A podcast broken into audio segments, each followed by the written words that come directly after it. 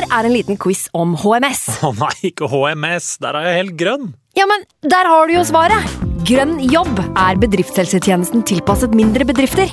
Våre HMS-eksperter hjelper mer enn 8000 bedrifter over hele Norge med alt fra lovpålagte HMS-krav til pålegg fra Arbeidstilsynet. Få på plass bedriftshelsetjeneste på grønnjobb.no. Hallo? Jeg kommer fra Oslo politikammer. Ine Jansen er purk. Er du purk? The motherfucking bitch. Alt jeg vil, er å finne ut hva som skjedde med mannen min. Jon Carew. Er jeg sikta for noe? Iben Akeli. Det er du. Ole So, Lars Berrum og Big Daddy Karsten. Hvem sin side er du på, egentlig? Anette Hoff, Tone Danielsen, Kommer du fra Afrika? Jørnis Josef, Nesten. Kløfta. Trond Espen Seim, Det er synd å si det, men det var feil mann som døde. Purk. Premiere tirsdag på TV2 Play.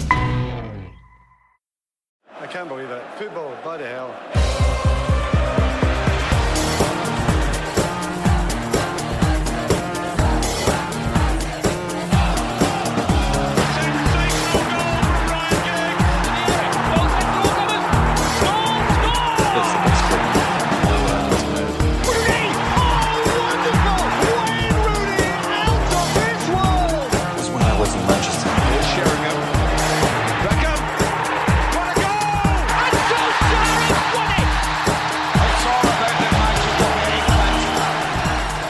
Legg deg ned og bare hvil ut litt. Pust ut. Dyp pust nå. Jeg ser at du er sliten, og det forstår jeg veldig godt. Vi er mange som forstår deg. Vi har det vondt, vi også. Vi er flere som kvier oss for å gå ut blant folk nå. Det er best å se matchen hjemme, tenker vi. Og setter oss urolig ned på tuppen av sofaen med en pute som kan dekke øynene hvis det skulle bli for grusomt. Vi er flere som kvier oss for å dra på jobb nå, for å unngå å møte blikket til han LFC-dusjen som står ved watercooleren og bare venter på å sette klørne i et forsvarsløst bytte. Rak i ryggen og rak i ryggen, tenker vi, men kroppen bare synker sammen. Ja ja, Zlatan leker om dagen, sier LFC-dusjen, og vi kjenner altså tenna bare biter sammen, og neven begynner å knytte seg, og vi får et sånn nanosekundsbilde i hodet av blodige kroker og et most, tannløst LFC-tryne. Men så orker vi ikke. Vi orker ikke å ta den kampen. Ikke akkurat nå. Vi ser ned i gulvet og lunter videre. Nå er det tid for gruppeterapi. Vi trenger det. United We Podcast. I dag er det bare én overskrift, og den har jeg stjålet fra den islandske finanskrisa, nemlig 'Helvetes fucking fuck'. Andreas Hedemann, produsent i Warner Brothers, velkommen til deg. Tusen takk, det er så godt å være her igjen. Ja, vi trenger dette her nå, altså. Veldig hyggelig at du eh, gadd å gå ut av døra i dag og kan stille opp eh, her i dag. Eh, Kasper Wikestad, TV 2s Premier League-kommentator, velkommen til deg også. Takk skal du ha. Det er veldig hyggelig at du også kan komme. Kanskje du har noe innsikt i dette som vi aldri kan finne, vi som har det rødeste hjertet av de alle. Det tviler jeg veldig sterkt på. Ja, dette er på dyp krise selv for deg, ja. Jeg tenkte du skulle fungere som en slags psykiater jeg nå, eh, og komme hit med et objektivt eh, sinn. Men du er jo, for du er jo ikke United-supporter. Eh, nei, det, det er jeg ikke. Eh, jeg holder jo med et lag som eh, Beste plassering gjennom alle tider er en tredjeplass, og det vi fortsatt eh, mimrer om er en ligacuptriumf i 1985. Mm. Sånn at uh, sympatien, den, den renner ikke over. Den, eh, den gjør ikke det. Men uh, jeg skjønner det. Ja, for du har gult hjerte Norwich-mann. Jeg, jeg holdt på Norwich, ja. Mm. Og er jo evig takknemlig for Mark Robins, for Ja, eksempel. Da. selvfølgelig. Ja, Som dere burde være evig takknemlige for Steve Bruce og Mike Phelan og andre. Og det er vi også. Eh, Hvordan ser du på ståa nå i Manchester United? Du som følger dette dag ut og dagen. Nei, det, man, man, man kan jo ikke la seg Man kan ikke unngå å bli overraska sesong etter uh, sesong. Eh, jeg hadde ingen tro på at det skulle bli like bra som under Sir Alex Ferguson da David Moyes tok over, men Nei. så ille som det ble, det hadde jeg heller ikke trodd. Eh, da Louis van Hall kom, så tenkte man eh, nå blir det kanskje bra igjen, i hvert fall med å kjempe. Og sånn ble det heller ikke. Nei. Og så tenker man José Mourinho, garantisten for Bankers. for suksess, liksom. Eh, men så kommer jo han på et tidspunkt hvor det kommer inn altså så mange andre gode managere, og det kommer inn så mange gode spillere.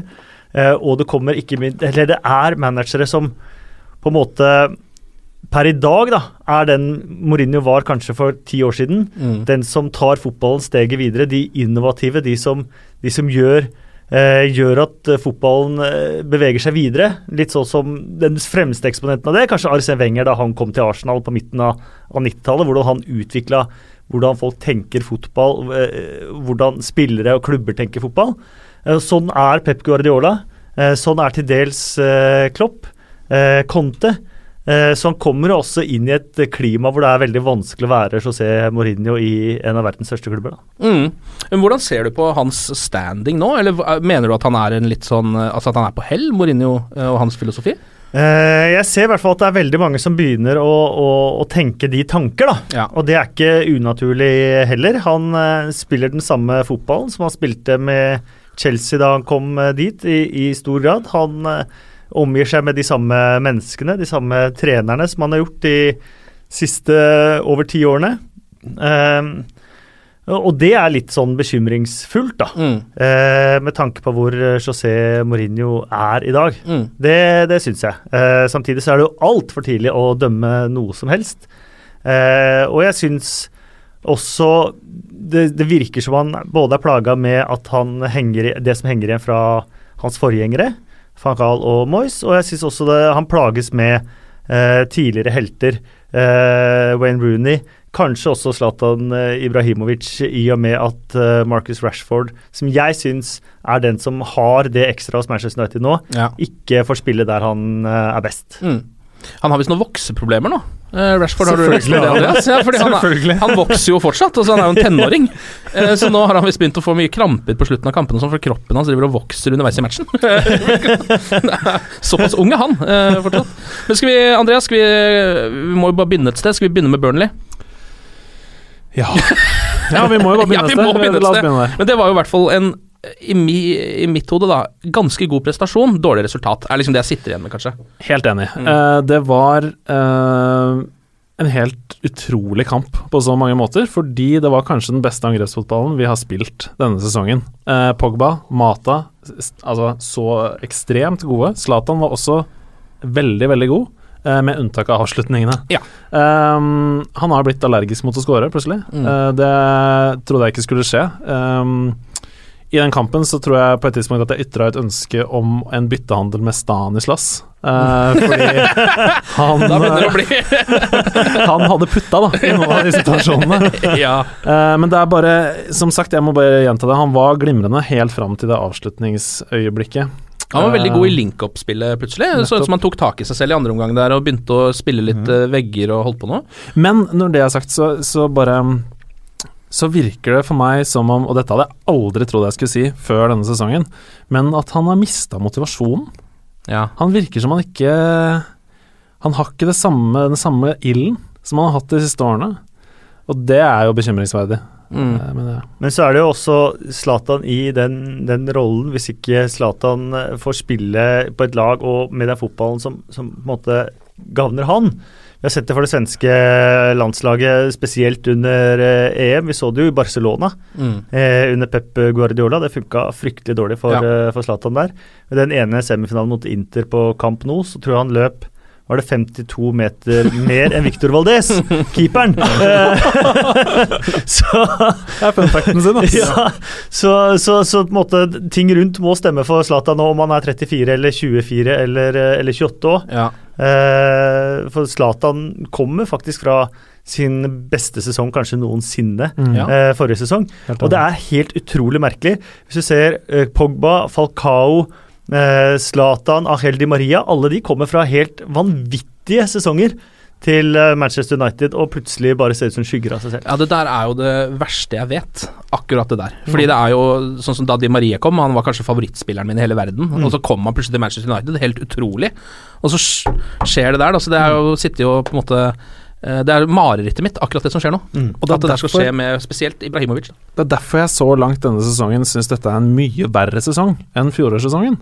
Ja. Fordi fallhøyden er så mye større. Mm. Vi henta den beste spilleren fra Bundesliga, den beste spilleren fra ligaen, den beste Mm. spilleren fra Serie A. Og ingen er Pogba. Pogba leverer. Det, Han gjør det, jo det, han leverer til en viss grad, og han var også uh, Mkhitaryan får jo ikke spille, så vi vet jo ikke helt hva han men, driver med. Men, men hvor er Mikkel, liksom? ja. Altså ja, så hvis, hvis eh, Di Maria var din favorittspiller før han kom, så var Mikki min favorittspiller før han kom til oss. Uh, og jeg bare Å, jeg fikk så stjerner i øya, liksom. Jeg tenkte ok, nå bare spaserer vi til ligagull. Det gjør vi ikke. det er ikke det vi driver med nå. Moonwalker. Går bakover isteden. Men hva, hva vet du om en Mickey, vet du noe om Miktarian-situasjonen? Skjønner Nei. du hvorfor han ikke spiller? Nei, men det er jo, det er jo litt det som er eh, Som er har vært litt greia med Mourinho også. Mange har ikke forstått uh, ofte hva han hvordan han tenker, og veldig ofte har han rett i sine tanker Ja. om de tingene der uh, også. Uh, men Mkhitaryan er jo en spiller som i Liverpool tror jeg han hadde vært uh, perfekt. Mm. Uh, han var perfekt i, i Dortmund. Han er en spiller som kan uh, ligge ganske dypt uten ball, eh, være med å vinne ball, eh, og være med ikke minst å sette fart framover. Hvor han både kan starte og avslutte ja. kontringer, eller i hvert fall komme med sistepasningen eh, før, før kontringa blir avslutta. Og det er ikke sånn Manchester United eh, spiller, men det er kanskje sånn de burde tenke på å spille i større grad. Mm. Eh, Manchester United også har jo litt det der eh, beltene på at de, de er Manchester United. De, ja. de skal ikke ligge bakpå, de skal ikke la noen andre styre kamper, spesielt ikke på Old Trafford. De, de, har, en, de har en tradisjon som en gigaklubb, da. Mm. Eh, og det er jo nok vanskelig å gi, gi slipp på også i, i sånn måten man vil spille fotball på. Mm. Men så, så, altså, jeg er ferdig med ballbesittelse, for å være helt ærlig. Ja, det skjønner jeg. Det har vært så Vi har jo 70% ball, eller 65 da, innen alle kampene. eh, Skårer ingen mål. Eh, Det var jo litt sånn mot Fenerbahçe også. Um, Selv om altså Fenerbahçe spiller jo den beste kampen, men vi har ballen hele tiden. Så det, hva skal man med den ballen, da, hvis man ikke klarer å gjøre Ja. en dritt med den? Um, 0-0 ble det jo til slutt. Eh, Vi fikk et rødt kort. Hva tenkte du om det? Det var aldri rødt kort. Aldri rødt kort. Uh, Herrera sklir, prøver å redde seg inn igjen i situasjonen.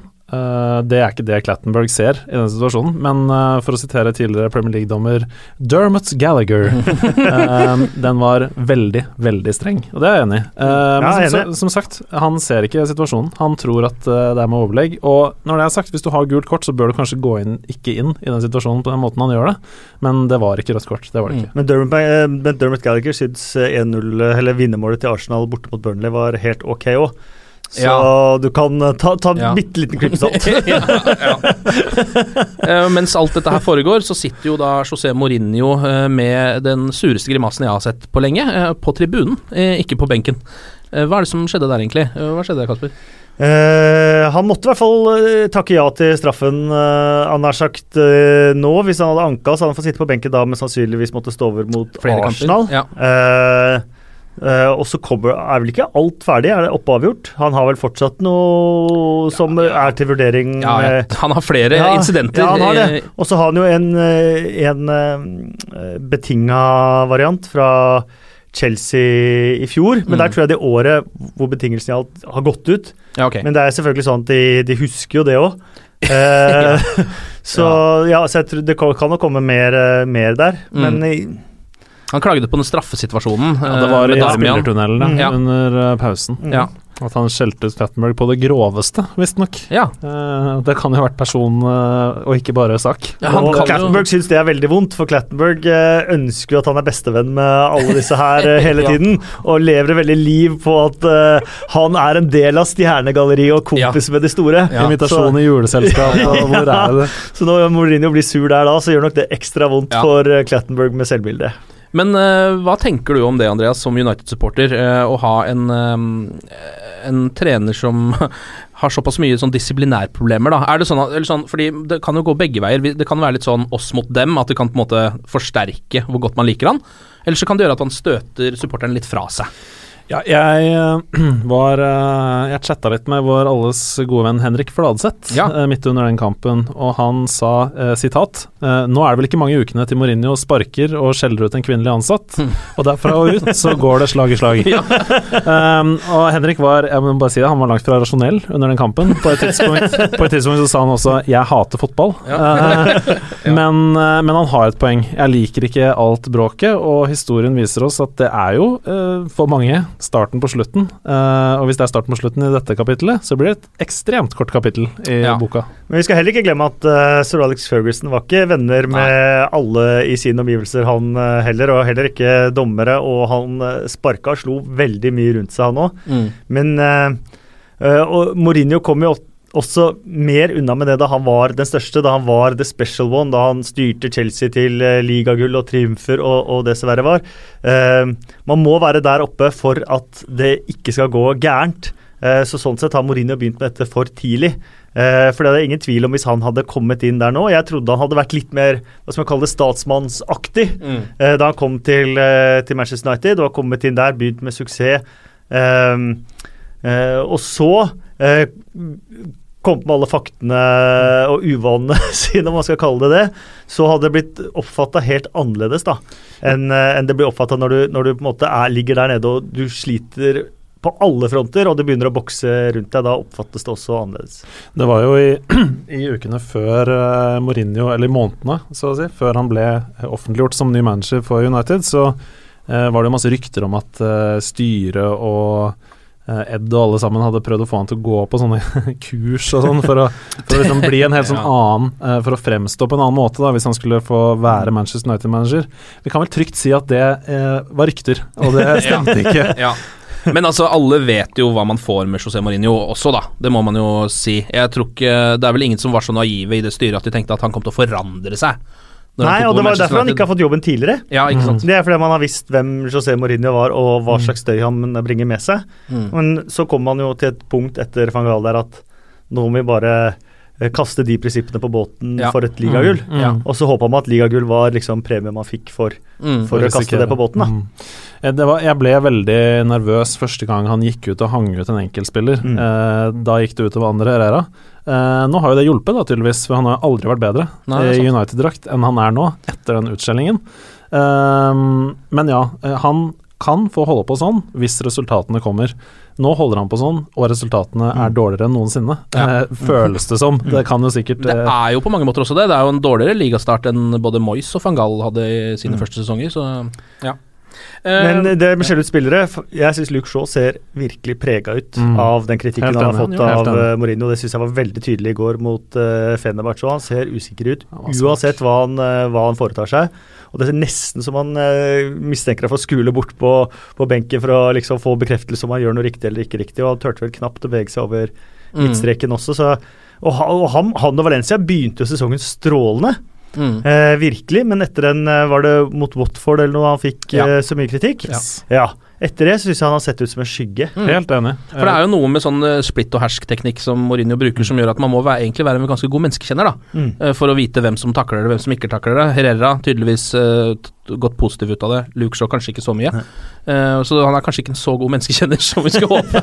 Samtidig som Herrera Jeg mistenker at Herrera har hatt en eh, trygg far i Juan Mata gjennom hele denne prosessen. Ja. Det virker som de har blitt veldig Ja. eh, tett etter denne. Og han er jo også har aldri vært bedre i United-drakt. Mm. Så ja, kan ha noe med det gjøre. Mm. Eh, hva med Zlatan Ibrahimovic, da? Hvor mye tålmodighet skal vi ha med en mann som er gammel? Vi trodde ikke han var på hell, kanskje han er det? Begynner liksom å tvile litt nå. Og selv om han er en jæskla fet fyr, altså når, eh, når skal vi liksom eh, når, når er det for mye, da? Når har han bomma på åpent mål for mange ganger? Du vil ha Rashford din, uh, Ja, men er, ja, jeg sitter og tenker på det, det er litt, for du kan på en måte ikke hente en som Zlatan Ibrahimovic og så sette han på benken. Nei. Uh, det skal sitte i hvert fall langt, langt inne. Mm. og Derfor så har man på en måte henta seg et eh, problem. da. Ja. Uh, det var fantastisk med Zlatan før sesongen, og etter de første par eh, kampene så kunne det jo nesten ikke bli kulere å Nei. ha Zlatan Ibrahimovic. Men Eh, til helga, til helga så er det Swansea. Mm. Hvis vi setter han på benken da, da kommer vi unna med at det er hviling, gjør vi ikke det? For det er jo Ja, det er. Swansea ligger Ja. på fem Ja. poeng, helt på bunnen av tabellen. Um, da kan Rashford få prøve seg i en bedre eh, rolle som passer han, som vi var inne på i stad. Og så kan vi komme unna mediemessig med at Zlatan spilte uh, nå. Han er en gammel mann. Mm. Han må få hvile til helgen. Hvis det da går dritbra, da er det jo lettere, kanskje, Mm. å benke han i neste Satt Veldig Mm. god innspill, det. altså. Ja, for nå spilte han jo eh, fordi Pogba ble skada, Mm. så å si hele kampen nesten mot Fenerbahçe. Det skulle han jo egentlig ikke gjøre. Um, det var jo også, Jeg reagerte litt på noen av byttene til Mourinho i Burnley-matchen. Han tok ut Mata, som jo hadde hatt en bra match. Satte inn Wayne Rooney, som, uh, altså Wayne Rooney 2016-versjonen, um, som jo ikke hjalp så veldig mye. Jeg synes det var, Hvorfor gjør han det? Er det bare fordi altså, Jeg skjønner jo bytter når man ikke scorer, Ja. det kan jeg forstå, men eh, det virka litt sånn eh, krampaktig. Hadde ikke vært for Rooney scora i går, et Ja. fantastisk mål, så har jeg sagt at Rooney har misset på alt uansett ja. nå, og det har han gjort for lenge. Eh, den sjansen han får på slutt mot eh, Burnley også fra 11-12 meter Som han over, ja. vet veit jo at den ikke kommer til å gå inn. Ja. Eh, og det er fryktelig trist å, å se på, da. Mm. Eh, men sånn som, sånn som Rooney er og har vært eh, nå, så er han ikke i nærheten, eh, faktisk. Og det, det er synd. Eh, når det er sagt, så syns jeg folk er altfor urettferdige mot han. Mm. Eh, det han har gitt til Manchester United, Ja. eh, og ikke minst det engelske landslaget òg. Eh, han er en legende det kommer til å bli prata om, som kommer til å være huska, som kommer til å stå i historiebøkene om 100 år. Mm. Uh, og det er den respekten han fortjener. Det er veldig fint at du Eh, sier, for jeg vet det er mange United-supportere som syns at vi er for strenge med han uh, i denne podkasten, Ja, ikke bare, ikke bare, men overalt. Engelsk presse som sageren United-supporter, som sageren eh, sosiale medier som latterliggjør og håner han, liksom. Ja. Og det syns jeg på ingen måte han har fortjent. Sir Bobby Charlton har 249 mål for Manchester United. Mm. Rooney har 247. Han kommer til å slå den rekorden. Han kommer til å være mestskårende Manchester United-spiller gjennom tidene. Uh, Sir Bobby Charlton var den mestskårende for engelske landslaget med 49 mål. Rooney har passert 50.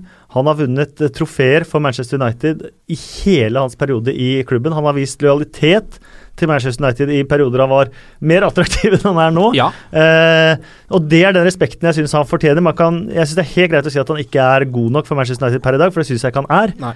Eh, men men å, å håne en, en som har betydd så mye gjennom en så eh, fantastisk periode for klubben nå, Mm. eh, det syns jeg ikke hører hjemme. Åh, jeg visste at du kom til å få meg til å smile. i her. Nå sitter jeg her med gåsehud og tenker tilbake på alle Rooney-minnene. Jeg har jo vært, jeg har gått i bresjen for å sette han ut av laget denne sesongen, men det handler jo om eh, Ja, spillet hans nå. Ja, sportslig. Som eh, spiller så er han uten tvil en legende. Og jeg tror nesten ikke at i, i den moderne fotballen de neste årene at man kommer til å finne eh, en lik eh, lojal klubbspiller på den måten. Det Nei. er for mye penger nå. Det er for mye eh, Instagram-kontoer som gjør at det blir vanskelig å holde seg til én klubb hele karrieren, Ja. sånn som Rooney har gjort. Rooney, Gerard, Terry, det er jo en utrydningstrua rase, det der. Ja. Det blir ikke så mange av de framover. Nei. Eh, spesielt også det at det er jo altså, engelske toppspillere som har spilt for én klubb også, Mm. um, som jeg tror også blir mindre og mindre vanlig. Uh, ok, men det var jo som en sånn en- jeg, det, nå er han vel Jeg tror han kommer til å ende i Everton, da. Jeg tror det. Ja, det tror jeg. Det syns jeg hadde vært helt ok. Det skal Ja. jeg ikke klandre han noe for, hvis det skjer. Eh, men jeg tviler på om alle Everton-sportere syns det er ok. Ja. Eh, Det er det, men sånn eh, romantisk sett for Rooney selv. Mm. Å komme tilbake der og ha en liten sånn siste vår Ja. og levere én god sesong for Everton, syns jeg også hadde vært veldig vakkert. da. Det er noe romantisk Mm. over det. Jeg er enig i det. Eh, men det jeg satt igjen med etter Burnley-kampen, var jo Ok, vi er uheldige her på mange måter. Vi har masse sjanser, vi spiller en bra kamp. Skulle egentlig ha vunnet, og så hadde det vært greit. Ikke noe mer å snakke om. Men sånn ble det jo ikke, da. Men så går vi videre da til kampen som var i går. Eh, da, sånn var det ikke i den kampen i det hele tatt, i Tyrkia. Um, ja. Mourinho sa etter kampen at uh, Fenerbahçe stilte opp som det var Champions League-finalen, og vi stilte opp som det var en summer friendly, som han sa, og det Mm. har han helt rett i. Vi eh, møtte opp, og det var det. Ja. Uh, det var Men i, igjen så føles det som om en, noe av den eh, skylda må Mourinho ta sjøl, fordi det var uorganisert. Uh, uinspirert. Det var på et tidspunkt der fire spillere som alle ville ha tierrollen, på Mm. likt. Eh, Martial og Rashford allergiske mot sidelinja hele kampen. Altfor smalt inn mot midten. Eh, og det, altså at ikke en manager klarer å gjøre noe med Altså Før har jo folk sagt eh, manager under kampen har veldig lite påvirkningskraft. Ja. Men eh, sånn eh, strategisk, taktisk, så virka det helt borti natta på et tidspunkt der. Det var ikke noe plan. Nei. Og det har jeg ikke sett før. Mm. Og nok en gang så slipper vi inn et veldig tidlig mål. Det er Ja. akkurat som at ikke United begynner kampen før etter fem minutter. Men den der er litt annerledes enn andre tidlige mål man Ja. inn, da. Og det, ja, det er ikke så mye å gjøre med den. Uh. Jeg tok meg selv, kona skvatt i sofaen, og jeg bare «Wah!» Den gikk inn, men jeg skjønte Ja. egentlig ingenting hva som skjedde. det brassesparket Ja, du sov der, det var ganske Fantastisk. Men Det var jo en Eh, eh, drømmeskåringenes aften. Ja, uh, drømmeskåringenes marerittaften på mange Mm. måter. 90 graders frisparkmålet fra Ja, helt Ja. vilt. Uh, så, men men, men jeg, jeg lurer på om man kan organisere lag i hjel. Eh, og jeg lurer på om det er det Arsenal har slitt litt med eh, de siste årene under Wenger. Jo mer man liksom vil det, jo mer organiserer man. Van Gaal Eh, fikk jo også litt kritikk for Ja, det der. og jeg syns Mourinho har vært altfor opphengt i det der. Og jeg syns det sånn beskrives best når det blir helt sånn panikk på benken, for man vet ikke hvem Pogba skal markere på defensiv dødball. Mm. Så er det helt katastrofe på benken. Og da mener jeg, hvor har fotballen kommet da? Hvor det ikke er liksom sånn derre Jeg veit ikke hvem jeg skal markere, da bare står jeg her, da. Mm. Det er liksom ta nærmeste mann. Det Ja. er ikke verre enn det. Mm, mm. Og så er det skjelle ut den ene etter den andre, fordi man liksom ikke har gitt beskjed om hvem skal han skal markere på defensiv dødball. Og jeg Mm. mener, når, man, når det begynner å bli så detaljnivå på absolutt alt, da mener jeg at da, da, da sitter man igjen med en Pogba som ikke vet hvor han skal, skal være i forhold til medspillerne sine. En Luke Shaw som blir usikker, eh, og en usikkerhet som sprer seg. Eh, da går man stort sett alltid for safe valg, og det er det som er problemet når man har 60-70% possession. Det er jo pasninger til side eller bakover. Det er jo ikke gjennombruddspasninger, det. Eh, Leicester vant vel eh, ligaen forrige sesong med den dårligste pr- pasningsprosenten i ligaen. Mm. Det vitner om eh, selvtillit og det, det Mm. at man tør å prøve hver gang man får Yes. sjansen. Og det er jo sånn, Solskjær sa vel i et intervju at eh, da vi var på vårt beste, eh, så var det jo bare å gå ut og spille kamp var det samme som å møte opp på trening. Hadde det like gøy. Mm. Det var bare vi og gutta liksom som var og spilte fotball og, Mm. og bare bøtta inn mål. Ja, det er intuitivt. Eh, og, og Ferguson sier i garderoben 'Lads, it's Tottenham'. Og så er det ut og spille, Ja. liksom. Mm. Det er den siste beskjeden Ja, men det, det er jo på en måte forståelig hvis vi hadde tenkt at eh, den uh, Fenerbahçe-matchen At det hadde vært løkkefotball, løkkefotball, eh, og du hadde delt opp i to lag. Og Da hadde jo laget til Zlatan og Pogba vunnet den kampen. Følgelig. Uansett, Ja, ja. liksom. Eh, hvis ingen hadde stått og mast på ja, Det så ikke sant? feige lag. Hvis ingen hadde stått og mast på sidelinja om hva Ja. de skal gjøre, og de bare hadde fått fritt holde på, så det, ja. For det er nettopp det, ikke sant. Vi kan prøve å forklare den prestasjonen så mye vi vil, en gårsdagens prestasjon, men eh, hvis vi ser på faktaene her, som du er inne på nå, da, så er Fenerbahçe åtte poeng bak ledelse i den tyrkiske ligaen. Altså, det er i den store sammenhengen ikke et spesielt godt fotballag. Ja, og de er inne i en Um, formdupp også, eh, har jo Morten Galaasen, som er Fenerbahçe-mann, vært innom her og fortalt. Og likevel så spilte de oss ut. Altså, Vi skapte nesten ingenting mot verdensklassespilleren Martin Skrtel. Um, det er liksom, Vi er i fritt fall, da, og det er ingen som vet hvordan de skal utløse fallskjermen. Sånn Nei, det er, det, er, ja, det, er, det er veldig godt eh, bilde, bilde på det. Men jeg har jo alltid vært så forkjemper for at jeg hater jo sånn statistikk med, med fotballen. Eh, Vi har hatt så mye possession eller uh, successful tackles eller liksom alt det der. Fifa Ja, for vi får, vi, får, vi får sånne pakker med alle de statistikkene egentlig før hver kamp vi, vi kommenterer. Og det makulerer du bare, og så går Ja, du faktisk. Ja, men jeg ser ikke på for Fotball for meg handler om noe helt annet. Ja. Fotball for meg handler om først og fremst følelser og emosjoner og tilhørighet. Ja. Eh, eh, dernest så, så handler det om å skåre mål. mm. Eh, og, og det er liksom hovedpoengene. Og så finnes det massevis av veier fram til, eh, fram til dit. Men den der å gjennomorganisere et lag, det, det er noe jeg har litt lite tro på. Men eh, enkle, enkle instruksjoner for Se, se Drillo-fotballen, da. Mm. Eh, vari, variert presshøyde, men presse hardt uten ball, vinne tilbake ballen og så spille framover. Mm. Og så hadde du et par enkle trekk mot etablert forsvar. Uh, F.eks. en langball til Flo, heade ned, eh, løpende rundt eh, Flo. Veldig suksessfullt. Jeg tror ikke Drillo eh, hadde veldig mange instruksjoner til, eh, til laget sitt, annet enn at de ikke skulle undervurdere England. Ja, ja, ja, det høres ut som Det høres ut som uh, Moyes Fellaini Everton. Det er jo samme måten å spille Ja. fotball på. Fellaini skal vinne hoveddelen, inn i Mm. feltet med ballen, skåre. Mm. Mm.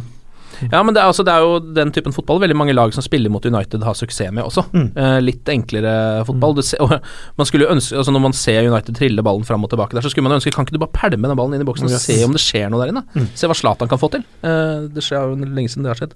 Apropos følelser og fotball. Eh, fraværet av følelser i Scholes sitt intervju eh, etter kampen i går. Ja, han er lei, han, altså. Han er eh, en mann som er Han har knokket ligge nede med brukket rygg. Mm. Han var ferdig. Det var ikke noe glød igjen. Han sa 'I've been depressed for three years'. Ja.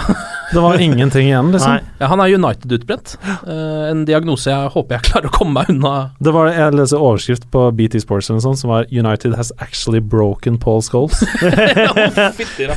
ja, men Det var utrolig deprimerende å se på. Men man kan, man kan Jeg kjenner jo jeg kjenner veldig godt følelsen. Norwich hadde jo eh, flere sesonger i, i på nest øverste nivå, og så hadde Glenn Roder som uh, manager, og følelsen var såpass at jeg dro ned til Sverige for å se preseason uh, da de var, uh, var der. Påfølgende sesongen så lånte de altså 23 spillere i løpet av sesongen. Eh, 23 lånespillere var altså innom, og det endte med nedrykk til tredje nivå for første gang på 50 år.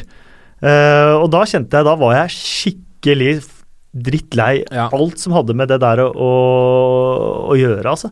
Og starta neste sesong mot lokalrival Colchester hjemme på Carrow Road med å tape 7-1. 7-1! På tredje nivå. Kristus! Da løp det altså supportere Ja. ned og, og kasta sesongkortet i ansiktet på manageren. Uh, og så sparka selvfølgelig manageren og ansatte Colchester-manageren.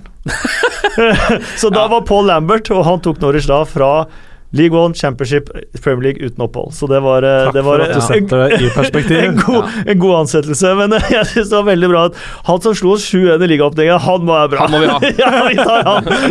Men altså, jeg, da skjønner jeg at du har vært nede i en kjeller som er altså så mørk eh, Ja, det var at mørk, eh, altså. vi har i hvert fall noe juletrelys eh, stående på der nede. Hvis vi skal ta den taktikken, da, så bør vel vi bare skynde oss å ansette Conte umiddelbart. Ja. ja, faktisk. Eh, til slutt, eh, mot Fenerbahçe, så skårer jo også, som vi var inne på, Wayne Rooney et helt fantastisk mål. Et mål som jeg trodde han nesten var ute av stand til å skåre i disse dager. Og da er det så typisk at det skjer eh, At det blir et helt eh, uviktig mål. Det er Ja. så synd. Tenk deg om han hadde satt altså, eh, den mot Burnley, eller altså eh, Men hva skjedde der? Han skårer et helt fantastisk mål. Ingen som jubler. Ikke engang Rooney jubler. Og ingen som heller løper etter ballen. Og det ballen. er fem minutter igjen av matchen. Ja, ja, ja. For det er 88 og noe. Nettopp. I hvert fall fem minutter igjen av matchen. Ingen som løper for å ta ballen ut av målet. Ikke noe glød. Men de har gitt opp. ikke Noe, ja, ja. mm. Har de møtt opp? Det var det som var ja, ja, nei, det virka nesten ikke sånn, da. Nei. Ehm, neste match er jo da Swansea. Uh, de har hatt en grusom start på sesongen. Fem poeng har de, ligger nedi sumpa. Hva tenker du om den uh, kampen, Kasper? Nå vet man jo aldri med United. Nei, og Hvis jeg ikke tar helt feil, så har Swansea slått Manchester United tre av de fire siste gangene ja, det kan kanskje i ligaen. Mm. Uh, Så sånn sett så er det jo ingen enkel oppgave. Samtidig så har jeg sett Swansea ganske mye i år, og de er dårlige, altså. Ja. De er fryktelig svake. Ehm, m- og de kommer til å spille en åpnere fotball, helt annen fotball enn eh, Burnley. Ehm, så jeg tror faktisk sjansene er veldig, veldig gode for Manchester United. Ja. Andreas? Du sa innledningsvis uh, i den fantastiske monologen din at um, vi tør ikke å gå ut lenger. Vi setter oss inn og isolerer oss med puter på sofaen.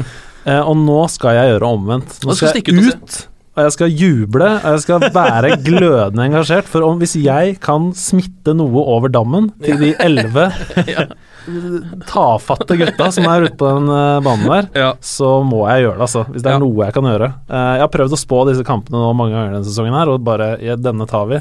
Eh, jeg tør ikke. Jeg har nesten uten unntak ikke vært i nærheten. Så Nei, nå- det. hvis, det er noe, hvis det er noe jeg kan gjøre for å bedre, så nå må jeg ut, altså. Noe litt Ja. trist. Jeg hadde altså HB på Manchester United Burnley. Og jeg hadde alle de andre kampene riktig, for jeg hadde helgardering på Crystal Palace Liverpool. Og så hadde du kamp 12 igjen eh, også der. Så hadde bare Burnley skåra på Hadde Manchester United skåra på, på treffer der, så hadde det blitt et par tusen. Men eh, den var veldig høyt oppe, den tolleren der en periode. Eh, jeg tror Ja. faktisk en Burnley-skåring kunne gitt meg borti 400 000 kroner, altså. Unnskyld. Unnskyld. Jeg Så det var det ene På vegne av hele United. Men så hadde jeg ikke den U-en, da, som også faktisk ville gitt en del Ja, eh, kroner. Men jeg tenkte jeg garderer den bare opp for, for å få skrellen, sånn kjempeskrellen, ikke lille skrellen. Så det var veldig deprimerende. Men sorry, det var en kjempedigresjon fra Ja, men det Swansea. jeg helt Men det var en gang Swansea var det enkleste i verden for Manchester United, med Rooney og van Persie, øh, og bare 4-0, 4-1, Ja. vinne lett. Tre nye poeng, og så dra hjem, og så we go again. Mm. I en helt vanlig sesong, til og med med David Moyes, så hadde jeg gleda meg skikkelig til søndag. For jeg tenkte sånn Yes, nå er det optimisme. Nå skal vi vinne, og stort. Og Mm. van Per... Nei, eh, Zlatan skal sette tre, og dette blir deilig og sånn. Men etter den kampen i går og etter de siste ukene, så sitter jeg med sånn uro i Ja, ja, magen ja. mot Swansea, Ja. som har sju tap og fem poeng etter ti kamper. Ja. Tenk på det. Hva er det som har skjedd? Ja, men det er jo tydelig de har vel to poeng det. etter ligaåpningen, for jeg tror de, de vant ved ligaåpninga. Så Ja, det er sant, det. på de ni siste så har de to uavgjort. Ja.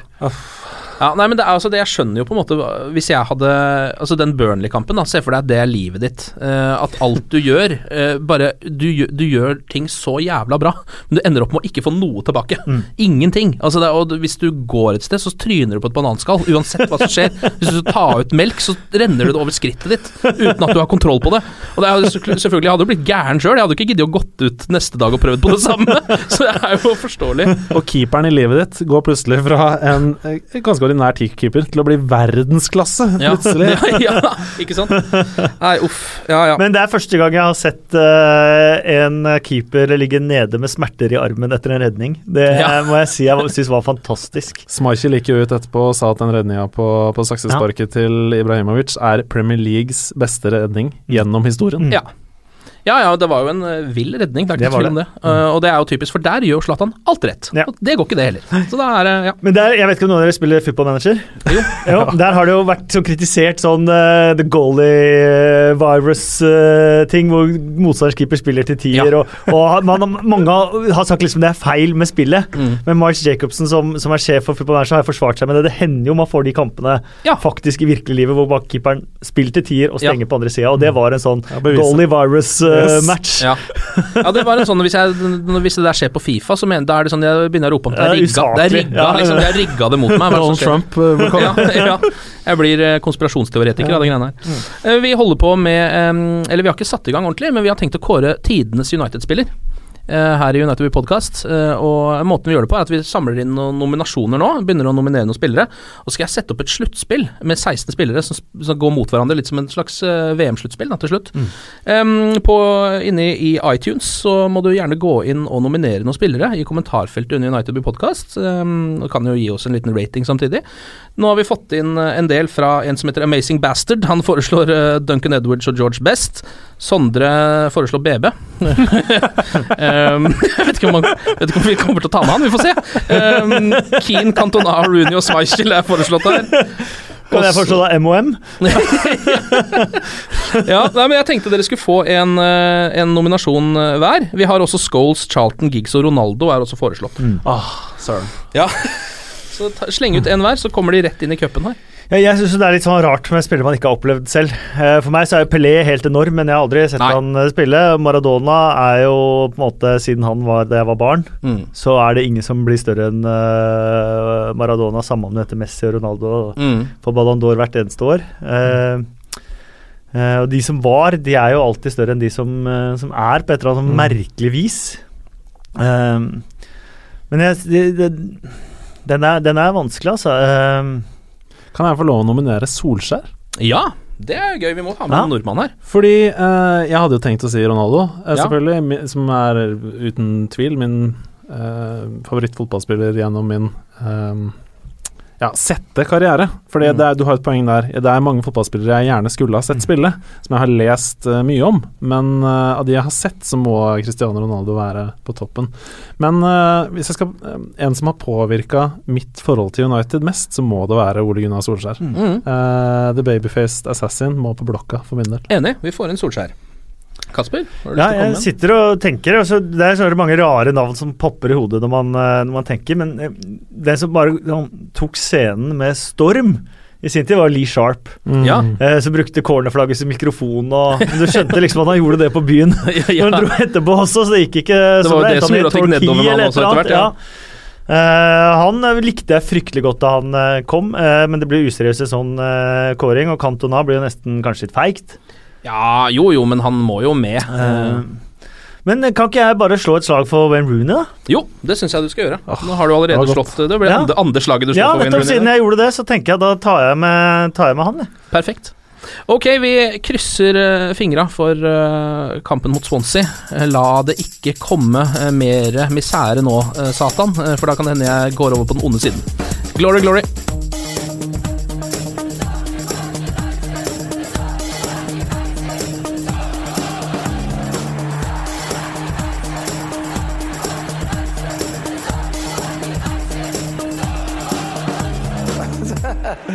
It's true.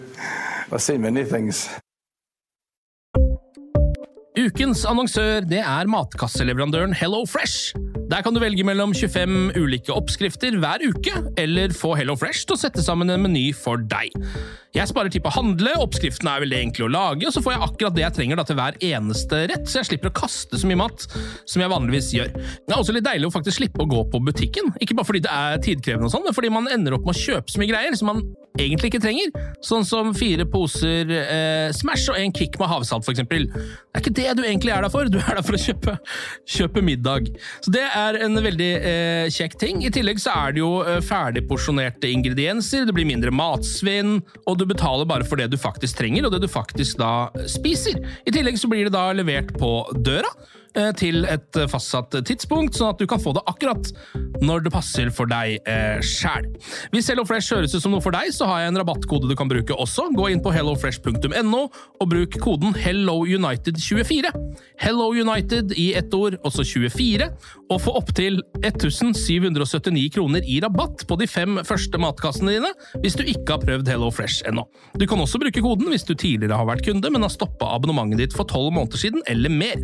Det er ingen bindingstid, og du kan pause eller avslutte abonnementet ditt akkurat når du selv måtte ønske. Husk koden HelloUnited24, og bon appétit! Ukens annonsør er Folio, en smartere banktjeneste for deg som har en egen bedrift eller ønsker å starte for deg selv. Folio er en superenkel nettbank for bedrifter. Som kunde i Folio får du en bedriftskonto med et bedriftskort og app. I denne appen er det smarte løsninger som forenkler regnskapet ditt, uansett om du har en liten bedrift eller et enkeltpersonsforetak. Folio er både intuitivt og brukervennlig, og er laget med et enkelt språk. I tillegg tilbyr de forutsigbare priser og ingen skjulte gebyrer. Skulle du likevel trenge det, så kan du snakke med deres raske og hyggelige kundeservice, og der får du prate med en faktisk person og ikke en chatbot. Folio er med andre ord både enklere og koseligere enn banken. Over 10 000 bedrifter har allerede valgt Folio som sin banktjeneste, så besøk folio.no og se hvordan Folio kan forenkle din hverdag også. Har du et enkeltpersonforetak eller en liten bedrift? Da er du sikkert lei av å høre meg snakke om hvor enkelt det er med kvitteringer og bilag i fiken, så vi eh, gir oss her, vi. Fordi vi liker enkelt. Fiken superenkelt regnskap.